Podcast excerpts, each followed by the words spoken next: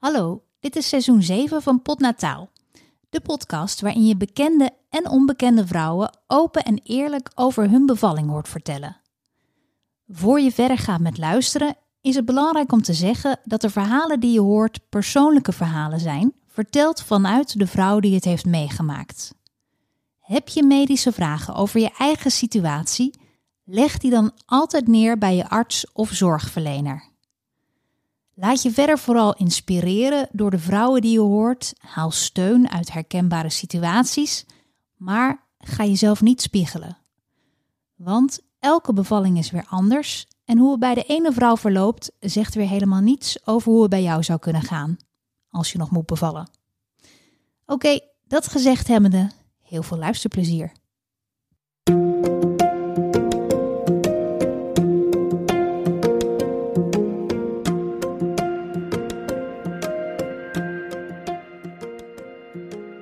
Keek er niet echt naar uit, eh, een keizersnee. Aan de andere kant zei ik laatst nog tegen mijn moeder... het is wel echt de mooiste operatie die je kan hebben natuurlijk. Want niemand komt met een kind uit de snap je? Als je je knie moet opereren is ook vervelend. Of een andere nare operatie moet. Maar dan heb je niet een kind als bonus.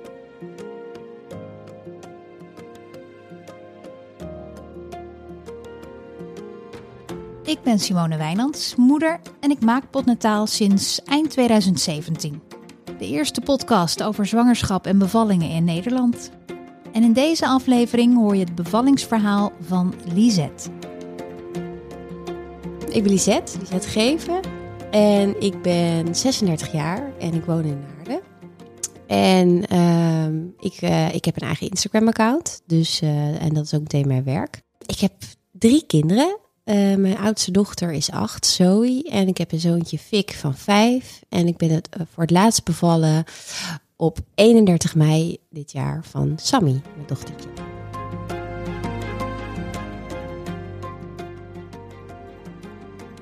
Je hoeft maar naar Lisette te kijken en je wordt spontaan vrolijk. Ik persoonlijk ben dol op haar vrolijke stijl, vol kleur en gekke printjes. En als je daar ook van houdt, dan kun je echt je lol op op haar Instagram-account. Ik zet wel even een linkje in de show notes. Waar ze haar geweldige outfits, soms ook inclusief babycots, deelt. Lekker no-nonsense. Ook het chaotische gedeelte van een jong gezin deelt ze gewoon. En verder kun je je lekker laven aan haar perfecte stijlgevoel. Zoals ze zelf graag zegt, love it. Voor we het gaan hebben over haar laatste bevalling, praten we eerst even over het verloop van haar zwangerschap en die valt samen te vatten in één woord. Vreselijk. oh ja, dat klinkt heel onaardig. Nee, ik was, ik was heel blij. Echt, dat staat voorop. Want uh, het had even geduurd en het is ook een paar keer misgegaan. Um, dus ik was echt heel gelukkig, maar echt heel, heel, heel misselijk. Echt, uh, uh, ik kon helemaal niks. Het was, het was echt vreselijk, ja. Had je een beetje dat HG of hikte het daar Nou, tegenaan? Uh, dat denk ik. Ja, ik ben er niet officieel voor naar de dokter gegaan, maar um, ze noemen dat dan droge HG, geloof ik. Want dat stuurde natuurlijk heel veel mensen mij van, dat heb je vast. Want ik dacht, nou ja, ik hang niet de hele dag boven de wc. Ja, ik hing er wel boven, maar er kwam niks uit. Of ja, ik hield het ook een beetje binnen, want ik dacht, nou ja, ik moet niet alles eruit gooien, want dat is helemaal niet goed voor de baby. Uh, dus echt heel erg mijn best gedaan om alles binnen te houden. Maar um, ja, nee, het was wel echt de hele dag door uh, overal een uh, soort van van over mijn nek. Ja, ja, ja. ik voelde je gewoon echt belabberd. Ja. ja. En ondertussen nog twee kids ja, rondlopen. het was echt uh, hard werken. Maar gelukkig heeft mijn vriend een heleboel geholpen. En heb ik echt heel veel op de bank gelegen en boven de zee gehangen, zonder dat het uitkwam. Maar uh, nee, het was echt uh, was geen pretje. Nee, dat nee. klinkt niet heel energiek. Nee, maar nee en ik hoopte ja. elke dag van, nou, morgen wordt het vast beter. Want bij die andere was het ook zo tot ongeveer 16 weken of zo. Maar um, nee, dit uh, was gewoon uh, elke de, dag. De hele zwangerschap ja. uh, door. Ja, dat is ja. ook, ook apart eigenlijk dat dat dan weer verschilt. Heel. Met andere zwangerschappen. Ja. En ik, had er zoveel zin in van tevoren. En zoveel hoop dat het gewoon leuk zou zijn en beter zou gaan. Maar nee. En afgezien van dat je je slecht voelde, ging het verder wel fysiek goed met de baby? Ja, leek het wel op. Um, daar heb ik me dus ook ja, de eerste uh, maanden wel heel veel zorgen over gemaakt, omdat het dus al een paar keer was misgegaan. Maar um, op een gegeven moment kon ik dat wel loslaten. Want ik dacht, nou, ze groeit goed en de ergos waren goed, alle controles waren goed. Alleen aan het eind bleek toch dat ze opeens veel te klein was. Had ik ook nog nooit meegemaakt, want daarvoor had ik altijd gewoon normale, gezonde zwangerschappen. Of nou ja, ik, ik voelde mezelf wel slecht, maar met de baby was niks aan de hand. De zwangerschap verloopt dus heel anders dan bij de andere twee. En als ze richting de 34 weken gaat, komen er meer alarmerende berichten. Ik had al een paar keer hoge bloeddruk gehad. Of tussen dan, ik heb controle en zegt, nou, ik bloeddruk is wel aan de hoge kant. Maar ik had op zich ook wel heel veel stress. En eh, mijn oma lag toen sterven. Dus het was allemaal wel heel erg te verklaren. Dus ik dacht, nou, dat ligt gewoon daaraan. En ik werk superveel. En twee kinderen thuis. En ik voel me niet lekker. Dus ik kon het allemaal wel verklaren, dacht ik. En op een gegeven moment zei ze, nou, gaan je toch uh, doorsturen naar het ziekenhuis. Want uh, nu houdt het wel heel lang aan. En... Um, nou, gaan we kijken of we misschien met medicijnen nodig zijn en of het dan naar beneden gaat. En toen kwam ik in het ziekenhuis en toen uh, moest ik meteen blijven en toen ben ik er vervolgens ook niet meer uitgekomen. Die had ze even niet aanzien komen. Tot op dat moment is ze er nog vol van overtuigd dat alles wat er speelt ervoor zorgt dat ze misschien niet zo lekker in haar vel zit. In het ziekenhuis zeggen ze dat ze eerst medicijnen gaan proberen en dat ze dan misschien naar huis mag. Dus ik dacht, nou, dan ben ik morgen ja. weer thuis. Prima. Ik, ik op een of andere manier, ik kwam, het wilde gewoon helemaal niet tot mij doordringen dat, uh, dat het eigenlijk echt niet goed was. Nee, maar, want je zat uh, nog ook nog helemaal niet. Je was waarschijnlijk nog lang niet met verlof. Je had nee, waarschijnlijk. Maar had dingen ik sowieso niet, niet van plan. Nee, nee, ik, nou, ik had wel, ik was dingen aan het afronden. Ik dacht, nou, die laatste drie weken van de zwangerschap, dan ga ik het huis opruimen, dingen een beetje klaarmaken. Zo. Nou, dat is dus echt mijn tip van de dag. Doe dat maar niet. Uh, zorg gewoon dat je je shit wat eerder hebt geregeld. Maar uh, ja, nee, dus dat, ik, ik ja, liep helemaal anders. En ik dacht ook, ja, ik moet nog naar de begrafenis van mijn oma. En weet je, er stonden allemaal dingen op de planning. Het was gewoon nee, nee, het mag niet. Je mag gewoon helemaal niks meer. Punt. Je moet hier blijven en we gaan naar de medicijnen. En als het werkt, dan mag je naar huis. Maar het werkt ook niet. En wat vond je? Je, je moest naar het ziekenhuis onverwacht. Dus je had natuurlijk ja. ook geen spullen bij je waarschijnlijk. Nee, maar ergens. Ik, want ik voelde me al zo slecht. En, en, en het, het, de braakneiging en alles werd al veel, veel erger. Dus ergens toch in mijn onbewuste heb ik denk ik gedacht van... nou, misschien moet ik wel eventjes blijven. Dus ik had een grote tas meegenomen met werk. In ieder geval, ik dacht, nou ja, dan kan ik in ieder geval nog wat dingen afmaken. Um, maar uh, ja, nee, ja, Tommy gebeld. Dat is mijn vriend dan. En uh, die heeft alles geregeld. In het ziekenhuis hebben ze zorgen om de hoge bloeddruk, die zowel gevaarlijk is voor Lisette als voor de baby.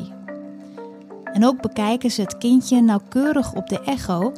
En daar komt ook iets uit wat ze niet ziet aankomen. En toen uh, ja, wat je hebt een hele kleine baby.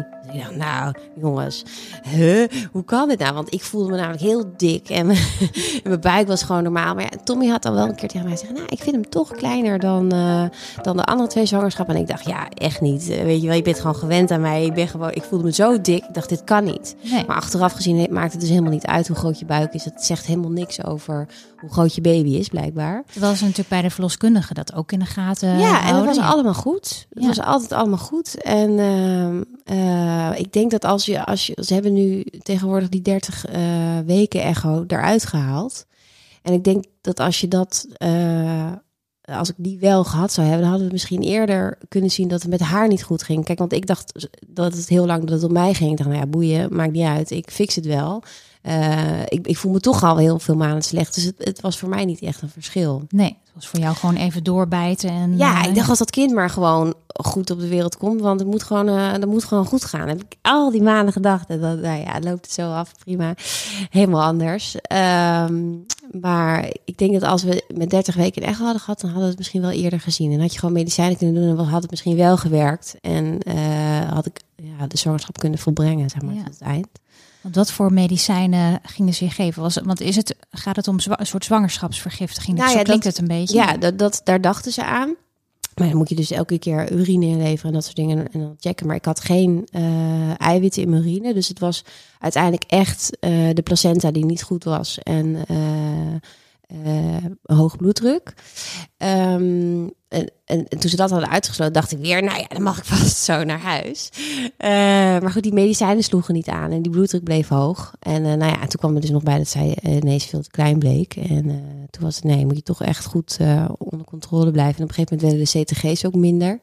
Had ze hele rare diepe dalen erin, dat ze haar gewoon echt even niet meer konden vinden. Nou, en toen begon ik wel echt Spaans benauwd te krijgen. Dat was wel echt dat ik dacht, oké. Uh, wat gaat er gebeuren? Wat is er aan de hand? Het gaat niet goed. Inmiddels ligt Lisette al een dag of vijf in het ziekenhuis en de berichten worden er niet beter op. Ze ligt in haar eentje op de kamer, een tweepersoons, en daar is ze blij om. Ik dacht elke keer, oh nee, straks komt iemand bij. Heb ik helemaal geen zin in. Uh, klinkt heel onaardig, maar ik, wou, ik was gewoon, ik was heel verdrietig natuurlijk, want ik kon niet naar de begrafenis van mijn oma. En gewoon, het was gewoon, ik vond het heel raar allemaal. En, um, uh, en ik maak natuurlijk oneindig veel zorgen. Want ik dacht, wat, wat, wat, wat is dit nou? Heb ik echt al die maanden soort van heel goor gezegd mijn kot zitten inslikken. Omdat ik dacht, die baby moet goed groeien en alles binnenkrijgen.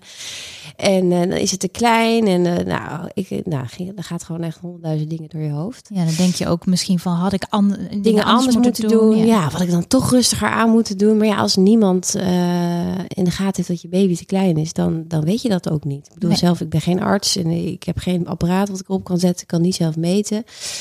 Um, dus ja, ik lag alleen op die kamer. En um, ja, het geprobeerd voor de kindjes natuurlijk heel luchtig te houden. Die gingen gewoon gezellig bij mij op bezoek. En uh, ze kwamen mijn ijsjes brengen en dat soort dingen. En ik heb gewoon een beetje gewerkt. Uh, en uh, soms een serie gekeken en heel veel voor me uitgestaard, denk ik. Ik weet eigenlijk niet eens. Het ging gewoon heel... je hebt ook dit, onderzoeken en zo. Dus het ging gewoon wel heel snel voorbij. Ik heb me niet verveeld. Nee de nachten vond ik wel heel naar. In je eentje met alle piepjes. En um, het duurde lang. En ik was gewoon, gewoon bang. Want ik durfde ook niet goed op dat belletje te drukken. Ik denk, oh ja, die, die mensen hebben het zo druk. En dan, dan kom ik er weer aan met dat ik voel me niet goed. Weet je wel. Of mag ik toch nog even aan de CTG? En ik dacht, ja, doet ze het wel? Beweegt ze nog? Is ze er nog? Dus die nachten vond ik echt verschrikkelijk. Dan ga je ook ehm, meer malen waarschijnlijk. Ja, ja, en dan is het donker. En nou, nee, vond ik echt uh, niet echt goed geslapen. Oh, dus ik heb overdag ook wel geslapen trouwens. Dat heb ik ook wel gedaan. Maar, um, uh, oh ja, op een gegeven moment was ze ook mijn dosis medicijnen verhoogd. Omdat ze dacht van, nou, misschien gaat je bloeddruk dan naar beneden. Maar daar werd ik dus heel ziek van. Uh, toen heb ik uiteindelijk wel op het knopje gedrukt. Want ik dacht, ja, dat gaat helemaal niet goed hier. Uh, dus toen mocht ik weer niet naar huis. Want, ik dacht, want ze zeiden, nou, als deze dubbele dosis werkt en je bloeddruk is morgen laag, dan mag je lekker naar huis. maar toen ben ik dus super ziek. Mocht ik weer niet naar huis. Um, en uh, ja, nee, ik had ook niet echt zin in dat mensen op bezoek kwamen. Ik vond het wel fijn als de kindjes even waren, gewoon voor hun. Maar verder dacht ik gewoon, uh, laat me maar. Het loopt allemaal compleet anders dan waar ze op gerekend had. En mijn schoonmoeder die is uh, gynaecoloog en die heeft ook de andere twee kindjes gehaald. Dus we hadden het ook helemaal gepland dat we weer, dat is dan in Enschede, ze woont in Enschede, dat we naar Enschede zouden gaan. En zij is inmiddels met pensioen, maar gewoon een hele goede collega van haar zou de bevalling doen. En zou ik gewoon lekker in Enschede zijn, een familie in de buurt en uh, gewoon helemaal, ik, ik, zag het helemaal zitten. Um, Wat bijzonder trouwens. Ja, ja nee, heel fijn. Dat is echt altijd heel, uh, heel fijn, want dan heb je dus nooit de zorgen uh, van hebben ze wel het beste met me voor. Ja. En uh, nu heb ik dus ervaren hoe het is om, uh, om als tussen aanhalingstekens gewone patiënt in het ziekenhuis te liggen. En dat vond ik wel echt even een ander verhaal. Dat ik dacht, ja, is het wel waar wat jullie tegen me zeggen? En wat zeggen jullie nou precies? Want de vorige keer kon ik gewoon denken, nou, het komt allemaal wel goed. Zij regelt het wel en dat komt gewoon goed. En nu dacht ik ineens, oh, ik moet zelf ook even opletten en klopt het wel allemaal en, en hebben ze wel het beste met me voor. Kon, kon zij wel er veel bij zijn of was zij, uh, hield zij uh, een beetje van afstand in de in Nou de ja, zij stuurde mij al heet het bericht van stuur mij even die CTG door. Maak even een foto ervan. Dus ik dacht al, hè, wat zit er daar nou om te vragen? En op een gegeven moment uh, raakte zij, merkte ik dat zij in de stress raakte, want ze had ook mijn vriend gebeld en had gezegd van, nou, ik ik zie die CTG's, ik verwacht gewoon dat ze binnen nu en heel snel gehaald gaat worden, want dit is niet goed. dus ik dacht, nou, oh, als zij stress heeft, dan uh, krijg ik daar ook wel stress van. En um, toen is ze op een gegeven moment, eh, toen, toen stuurde ik haar die CTG's door en zag ze dus al die, die, die pedalen. En dan gaan dus ook al die alarmpjes af en dan heb je ineens allemaal mensen aan je bed staan. Maar zij hadden wel een soort van heel logisch verhaal aan mij verteld. Dat ik dacht van, nou ja, het zal dan wel kloppen. Uh, alleen mijn schoonmoeder is toen meteen in de auto gesprongen, s'avonds laat. En, uh, en, en naar ons toegegaan. Want die zei van ja, Tommy, jij moet gewoon naar het ziekenhuis. Want die gaat vannacht gehaald worden. Dat kan niet anders. En wat voor logisch verhaal hadden zij jou verteld? Nou, zij zeiden tegen mij: nee, we gaan toch nog even wachten. Want uh, het is niet zo dat ze de hele tijd niet te vinden is. En je moet nog een longrijp, longrijpingsprik hebben. zodat als we haar morgen gaan halen dan, uh, want op een gegeven moment hadden ze dus besloten dat ze haar toch gingen halen, omdat ze dus te vaak onverklaarbare uh, diepedalen in de CTG had. Ze gaan we haar morgen halen en nee, dan hebben die prikken uh, zijn werk gedaan. En dan hebben we alle tijd om haar rustig te halen. Dus ik dacht, nou oké. En ze hadden me ondertussen helemaal volgepompt met weet ik veel kalmeringsdingen. Want ik werd helemaal gek. Want ik dacht, nou, mijn schoonmoeder is in de stress. Tommy komt hier naartoe. Die bellen gaan af. En uh, je kunt haar hartslag niet vinden. Dus ik zei, haal het eruit, haal het eruit. Lukt het haar eerst nog om redelijk rustig te blijven. Nu voelt ze de paniek toch echt opkomen. Er razen honderd dingen door haar hoofd. Aan de ene kant wil ze dat de baby zo lang mogelijk blijft zitten, want ze is nog maar zo klein. Aan de andere kant moet ze er zo snel mogelijk uit, want gevaarlijk. In het ziekenhuis blijven ze kalm. En op een gegeven moment zeiden ze ook tegen mij: van, nou, ga maar lekker even slapen. maar druk maar op de bel als je er niet meer voelt. Dus ik dacht: ja, jongens, hoe, hoe ga ik dan slapen? Ik ga, ik ga gewoon, dat kan toch niet? En uh, ik vond het wel heel gek dat ze er totaal niet moeilijk over deden dat uh, Tommy bij mij mocht blijven slapen. Want uh, daar waren ze normaal best wel streng in: van je moet gewoon naar huis. en, want ik zei van ja alles leuk en aardig, maar hij komt wel vannacht. Want ik overleef het niet in mijn eentje, die, die, uh, die stress. Dat lijkt me ook niet goed. En, um, um, maar goed, dus ze had mij dat verhaal verteld van die, van die prikken. Dus ik dacht, nou, dat zal dan wel zo zijn. En ik ga gewoon een heel erge rotnacht tegemoet, waarin ik niet durf te slapen. En, uh, en alleen maar panisch aan het bedenken, ben je nog, ben nog? Uh, terwijl mijn schoonmoeder achteraf zei van ja, dat is natuurlijk gewoon echt uh, helemaal niet de bedoeling. In Enschede is een heel ander protocol en dan zou de baby meteen gehaald worden. Maar ze zijn niet in Enschede en er worden andere keuzes gemaakt. Zo goed en zo kwaad als het ging, komt ze de nacht door. Geslapen heeft ze niet en als het eerste ochtendlicht zich aandient, drukt ze meteen op de bel om weer aan de CTG te worden gelegd. Ze voelt haar kindje op dat moment niet. Dus uh, daar was ik natuurlijk alweer heel erg over aan het stressen. En ik op mijn zij draaien en uh, een beetje tegen mijn buik aan tikken en zo. En naar de wc en, en alles proberen. Dus ik op de bel drukken en toen was het, ja, nee, we zitten in de overdracht, we kunnen nog niet komen. dus ik zo, ja, maar ik voel mijn baby niet, weet je wel. Dus ik krijg hier toch echt wel een beetje stress van. Ik wil heel graag even weer de CTG eraan, om te kijken of we kunnen vinden überhaupt. En um, nou, toen was het dus eerst nog een beetje narrig, omdat ik een paar keer op de bel had gedrukt. Wat ik ook wel weer begrijp, want ze hebben natuurlijk ook druk en ze zijn ook net wakker en weet ik veel wat. Maar ik, ja, op dat moment dacht ik wel echt, hallo, het gaat hier op mijn kind. Ik, uh, ik, dit, is gewoon even een andere stress, waardoor ik gewoon misschien iets minder aardig mens kan zijn. Dus ik heb gewoon twee keer op die bel gedrukt. ja, het is echt onaardig, maar uh, uiteindelijk uh, hebben ze haar aan de CTG gehangen, was het apparaat kapot. Het gaat allemaal niet van een leien dakje, zullen we maar zeggen. Gelukkig klopt het hartje van de baby nog en kan Lisette weer even opgelucht ademhalen. Omdat de dag net is begonnen, is er ook weer een ander team aan het werk en staat er een nieuwe gynaecoloog aan haar bed. Die spreekt haar geruststellend toe. Kom je halen en het komt helemaal goed en uh, we zijn met een heel team. Wel heel tof trouwens, alleen maar vrouwen. Dat vond ik echt op een of andere manier zo cool. Die hele ook aan met alleen maar vrouwen. Uh, want ze moesten natuurlijk een heleboel extra mensen erbij hebben, omdat ze dachten dat ze echt heel klein zou zijn. Um, maar ze waren heel lief. Echt uh, van nu komt het goed en we gaan herhalen. En we gaan proberen om er een beetje rustig geboren te laten worden. Zodat je ook nog een soort van uh, mooie ervaring hebt, zeg maar. Dus dat hebben ze wel, uh, wel heel lief gedaan. Maar dat was wel omdat die CTG goed was. Want anders dan ga je gewoon met gillende alarmbellen naar de OK. Ja, want het was wel ook al dan eigenlijk meteen duidelijk dat het dan een keizersnee zou moeten worden. Ja, ja, maar dat is, um, oh ja, mijn andere twee kinderen zijn ook met keizersnee gekomen. Uh, na de eerste keer bevallen en zeg maar alles geprobeerd te hebben, en is het uiteindelijk een spoedkeizersnee geworden. En toen dacht mijn schoonmoeder toch even kijken waarom het nou niet lukte. En ik weet even niet meer hoe het heet, maar het blijkt dus gewoon in mijn lichaam kan dat niet. Gaat er iets voor liggen of zo? Ik weet niet precies. Um, dus ik kan niet natuurlijk bevallen. Dus dat het een keizersnee zou worden, dat wist ik al van tevoren. En nummer twee was dan waarschijnlijk gepland. Ja, ging uiteindelijk ook met spoed. Maar Oh. eh, die kwam lekker eerder, maar dat was ook prima. En eh, ja, dus van deze, deze was ook gepland. Ja. Een maandje later. Ja, ja, precies. Een maand later. Dat is nog Ja, wel een, eh, een verschil. inderdaad. Ja. Ja. En dan, nou, dan word je natuurlijk eh, voorbereid in de kamer. Eh, nou, je man is erbij, of je Ja. vriend is er gelukkig bij natuurlijk.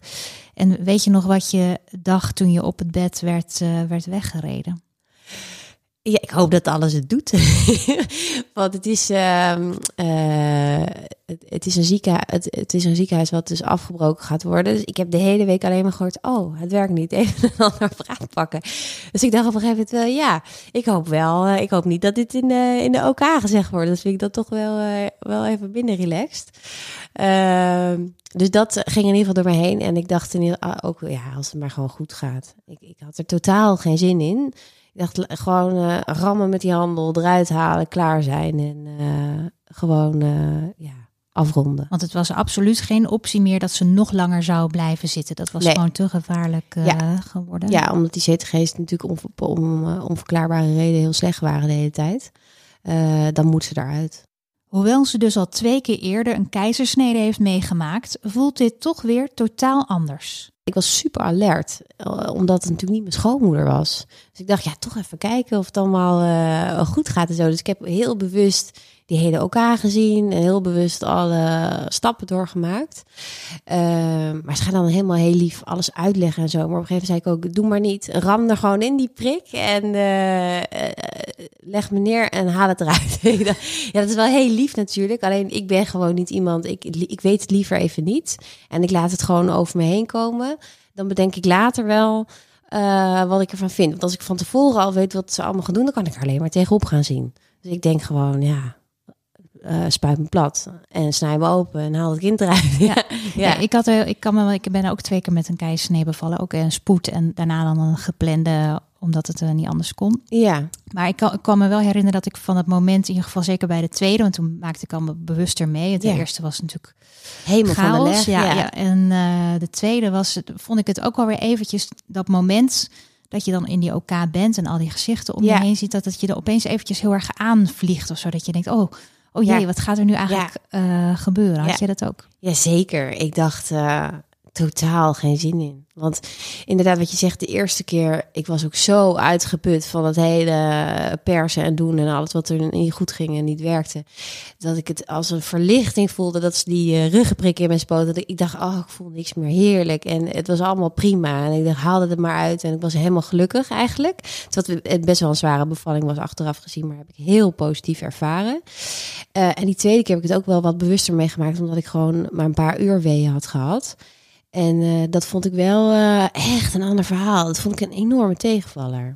Omdat ik de eerste keer gewoon zo makkelijk had opgeslagen. Dat ik echt dacht, het he was helemaal niet zo chill nee. eigenlijk. Nee. Ja, ik vond het wel dat gedruk op je buik. En ja, je voelt toch wel echt een heleboel. Ja, ja je voelt op dat moment heftig. niet echt pijn. Maar het is nee, wel... Je, het is heel onprettig. Ja, dat er wel iets gaande is, ja. zullen we maar zeggen. Ja.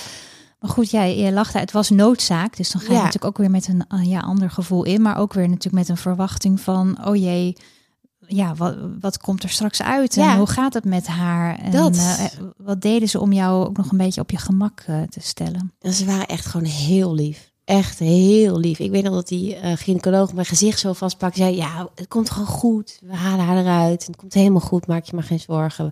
We gaan het gewoon regelen. En uh, dat komt helemaal goed.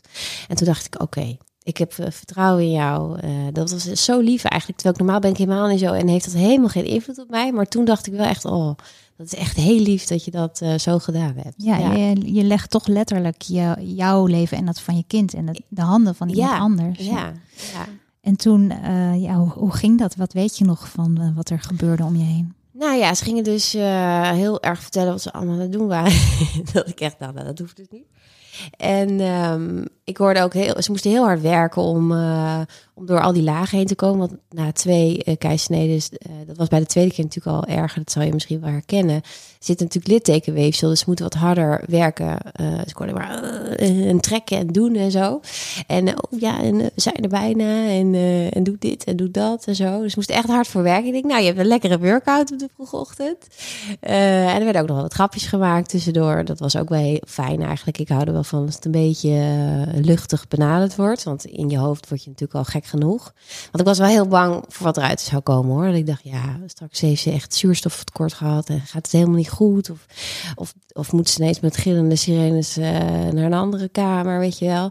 Maar ze haalde haar eruit. En um, uh, toen hoorde ik alleen maar, oh, oh, oh. dus dacht ik, hey, volgens mij is dit wel goed wat ik hoor. Dat was echt een enorme opluchting. En toen zeiden ze, ze ziet er echt beter uit dan we hadden gedacht. Dus we kunnen haar even rustig geboren laten worden. Dus dat was, uh, ja, dat was zo'n opluchting. Uh, dus ik kon haar gewoon heel even rustig bekijken. En ik, ik mocht. Uh, had je zo'n, van... hadden ze zo'n gordijntje? Ja, en, dan... en ik, ik zei ook, ik hoef niet te zien als je me open snijdt. Want dat voel ik al goed genoeg. En op een gegeven moment, ik had het idee alsof ze een soort van aan mijn vel aan het plafond hing of zo. Zo hard trekken en dat gediel en uh, ja, dat uh, is niet echt prettig.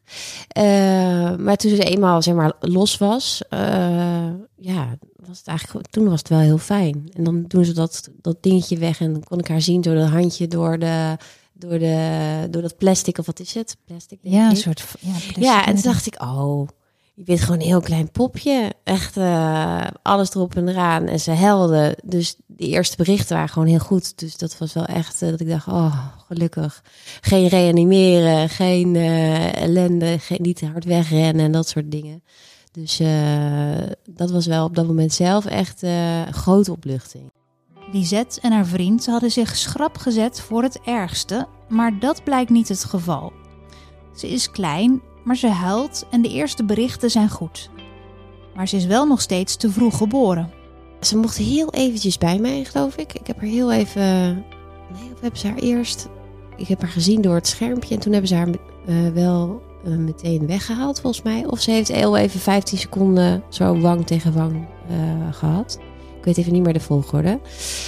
Um, maar ja, nee, dan moest ze meteen naar de kinderarts en de couveuse en dat soort dingen en helemaal onderzocht worden.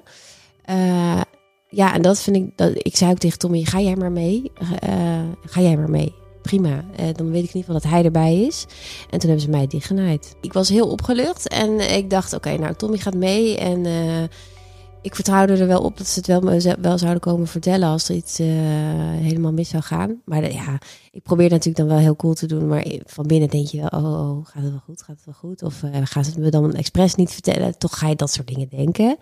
Maar ik heb wel een beetje geprobeerd weg te drukken. Ik denk, oké, nou, naai me maar dicht. En um, ik was nog een beetje misselijk en zo. En ja ik hoopte gewoon dat ze me netjes dicht zouden naaien en geen dingen achter zouden laten. dat soort dingen allemaal. Dat hoor je ook vaak genoeg.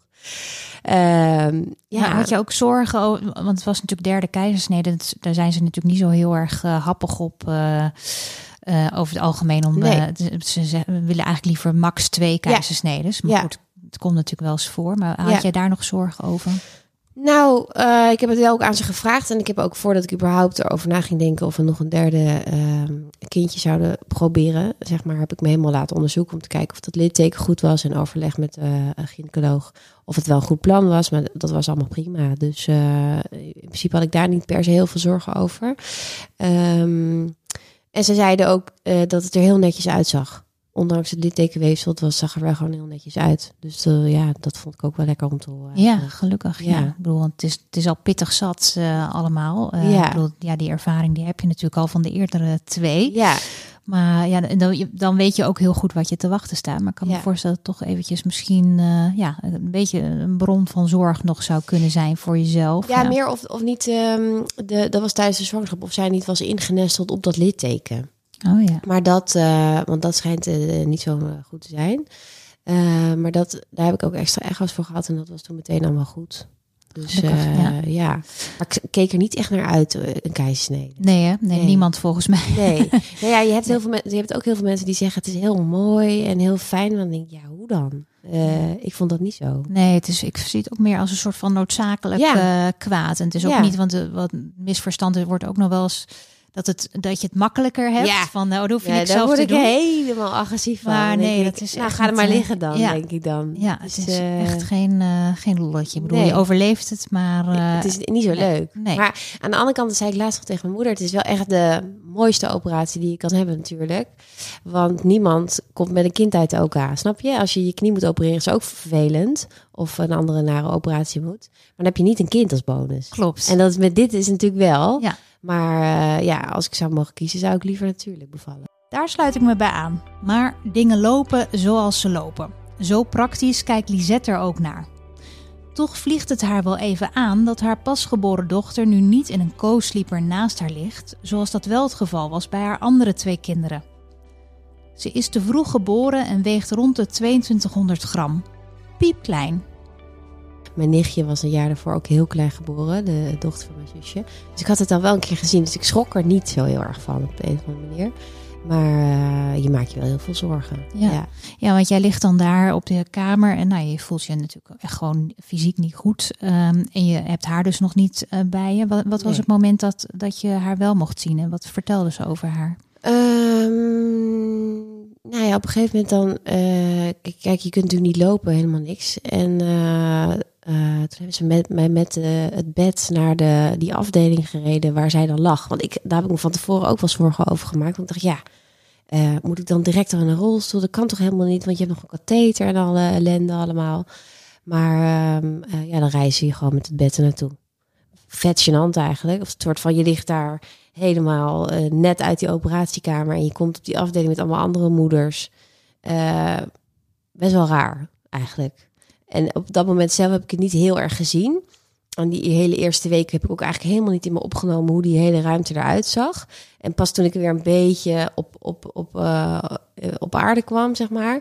Toen dacht ik, oh, ziet het er eigenlijk zo uit? Toen zag ik ook ineens andere moeders binnenrijden. En zo denk ik, oh, ja, zo lag ik er ook bij eh, vijf dagen geleden. Ja, gek hè? Dus ja, het is heel, heel raar eigenlijk. Dat je je meest intieme moment dan deelt met, weet ik veel, tien andere moeders. Zelf zomaar haar dochtertje oppakken is er niet bij. En nu was het nee, ze moet nog even blijven liggen, want anders is de temperatuur niet goed. En eh, ja, dat is, eh, dat is niet zo leuk. Dat is wel echt heel gek. Ja, En met de zondevoeding, dus hadden me wel voorbereid, want het heeft een, eh, een eh, slangetje en zo. Ja. Maar eh, ze lag gelukkig niet allemaal eh, aan allemaal eh, toeters en bellen. Ehm, maar ja, je kunt er dus niet oppakken wanneer je wil. En wat eh, wisten ze op dat moment ook wat er nou precies aan de hand was geweest? Want dat was natuurlijk een beetje onduidelijk wat nou Ja. de oorzaak was. Ik kan me Ja. voorstellen dat je dat toch wel graag wilde weten. Zeker. Ze ehm, hebben ook een stukje, of nee, de placenta opgestuurd geloof ik. Maar dat duurt dan even voordat je daar uitslag van hebt. Maar ze had een eh, knoop in de navelstreng gezwommen. En eh, in de buik is die dus soort van gaan aantrekken. En normaal is dat dus niet zo erg blijkbaar. Omdat je dan gewoon een grote baby hebt en ook een dikke navelstreng. Dus dan kun je hem wel aantrekken. Maar dan komt er nog steeds heel veel eh, zuurstof en voeding door. Maar met dat ook helemaal dun was en klein eh, zorgde dat voor die, die daling in, in de CTG. Dus als je daar te lang aan trekt of je gaat net verkeerd liggen, dan ga je dood. Ja, Ja, wat Ja. bizar hè? Dat Ja. is toch met zo'n navelstreng, dan denk je, dat is iets prachtigs, moois van de natuur eigenlijk. En het zorgt voor het leven. Maar Ja. het kan dus ook zomaar met gewoon een, een simpel stom knoopje. misgaan. Ja, ja. ja. Dus, eh, en dat was dus achteraf de verklaring voor die eh, slechte CTG. Dus ik ben zo blij dat ze eruit is gehaald. Want eh, ja, ze ging natuurlijk steeds drukker bewegen. En ja, dat Had gewoon niet langer mogen. Nee, nee, Nee. echt niet. Het voelt ergens toch wel alsof ze door het oog van de naald zijn gekropen. Omdat ze te vroeg is geboren, moet ze langer in het ziekenhuis blijven, maar Lisette niet. Ik eh, had het geluk dat het een keizersnee was, zeiden ze. Dan mag je dus drie dagen blijven. En anders had ik gewoon naar, meteen naar huis gemoeten ongeveer.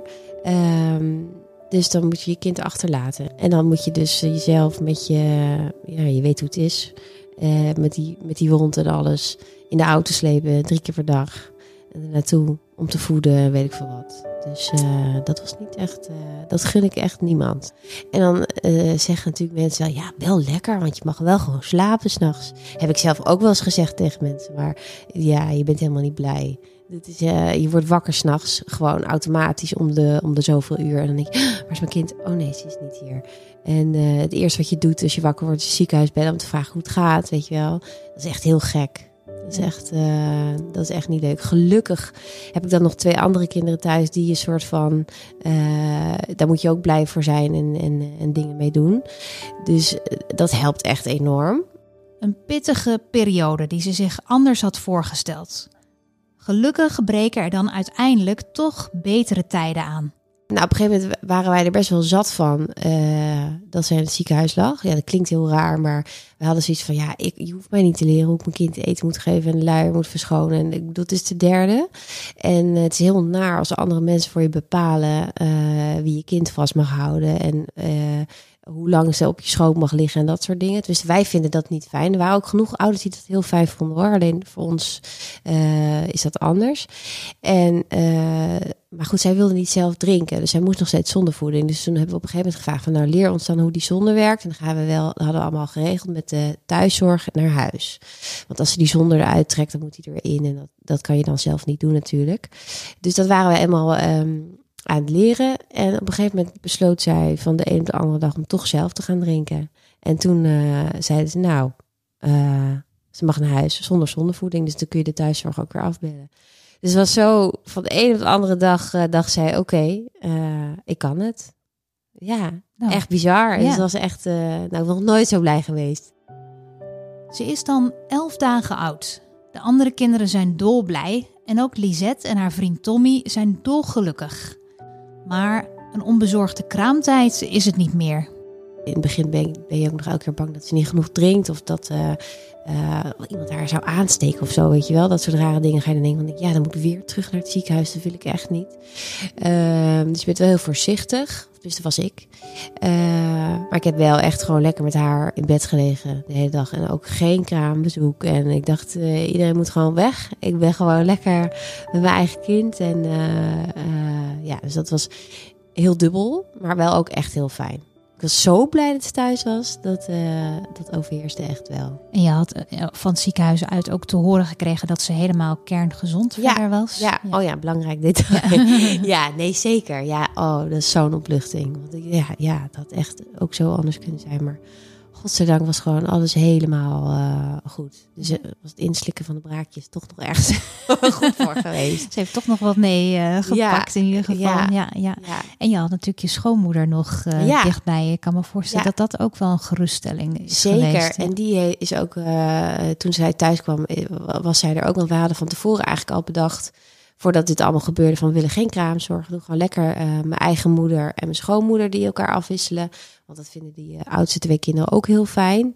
En uh, we hebben sowieso heel goed, goed contact met de oma's. En ja, zij was er ook. dus dat is toch fijn een medisch iemand. Ook al is het met pensioen, maakt niks uit. Ik vertrouw blind op hun medische kennis. Kerngezond, gelukkig. Maar omdat ze te vroeg is geboren, ziet Lisette toch wel wat verschillen met haar andere kinderen. Nou, ik had in het begin, uh, maar dat was eigenlijk ook dus nog in het ziekenhuis lag, uh, voordat ze 37 weken uh, was, dan is het wel een soort van alien. Het is niet, ze zijn niet echt op aarde of zo, lijkt het. Ja, dat klinkt zo zweverig, maar zo ben ik helemaal niet. Maar, ehm, dus ik dacht van, nou, ze zou niet blind zijn of zo, weet je wel, een hele andere soort. Ze kijken je niet aan. Ze hebben wel de oogjes open, maar zo heel wazig. Dus er waren ook wel momenten dat ik dacht, oh, zal het wel goed zijn? Uh, en dat heb ik nog best wel een tijdje gehad. Uh, ik weet dat, dat Tommy op een gegeven moment ook dacht van, nou, ik hoop dat ze ons wel ziet of dat ze überhaupt iets ziet. Um, gehoor hadden we al heel gauw in de gaten dat ze dat wel deed. Uh, maar ik heb wel een tijdje dus bang geweest dat ze blind was op een of andere manier. Dat had ik bij die anderen nooit.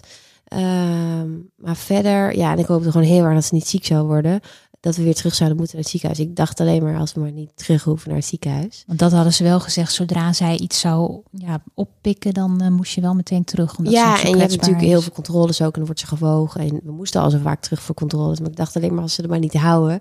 Ik wilde gewoon weer terug mee naar huis. Uh, dus dat zat er nog wel heel erg in. Ik wou gewoon echt niet terug naar het ziekenhuis. Wou er gewoon echt lekker uh, thuis hebben. Begrijpelijk, na alles wat ze hebben meegemaakt. Een nieuw ziekenhuisbezoek blijft het gezin gelukkig bespaard. En inmiddels zijn ze alweer flink wat maanden verder en gaat het hartstikke goed. Ze worden echt lekker dik. ik ben nooit zo blij geweest dat een kind dik werd. En uh, ja, het is gewoon. Uh, het is wel echt een heel ander babytje dan de andere twee qua gedrag. Ik denk ook dat dat door haar start komt eigenlijk. Maar ik ben nog steeds zo blij. ja, ik ben echt zo blij dat ze er is. En hoe is het om een gezin van vijf te runnen? Ja, vet leuk. Het is gewoon, uh, ik vind het echt heel cool. Op een of andere manier. Ik weet niet waarom dat zo is, maar ik vind het echt. Ik ben zo blij elke dag gewoon dat ze er is. Ja, ik weet niet, heel dankbaar of zo. Extra, extra, extra dankbaar nog. Die andere twee, ik weet niet of ik het echt voor lief heb genomen. Maar uh, dat denk ik niet. Ik ben altijd wel heel dankbaar en blij geweest. Maar nu heb ik wel extra, extra, extra het besef van uh, het is echt heel bijzonder dat het gelukt is. Ja, ze is er en uh, dat is het belangrijkste. Je hoorde het verhaal van Lisette. Ik hoop dat je dit een mooie aflevering vond. Zo ja, laat dat dan weten in de reviews op iTunes. Je kunt me natuurlijk volgen op Instagram via @potnataal en ik heb ook een persoonlijk account, dat is @simonewijnands. En um, ja, vergeet natuurlijk niet om al je zwangere vriendinnen, buurvrouwen, nichtjes, zusjes, collega's, maar ook verloskundigen, kraamverzorgsters en gynaecologen te vertellen over deze podcast. Dankjewel voor het luisteren en tot de volgende.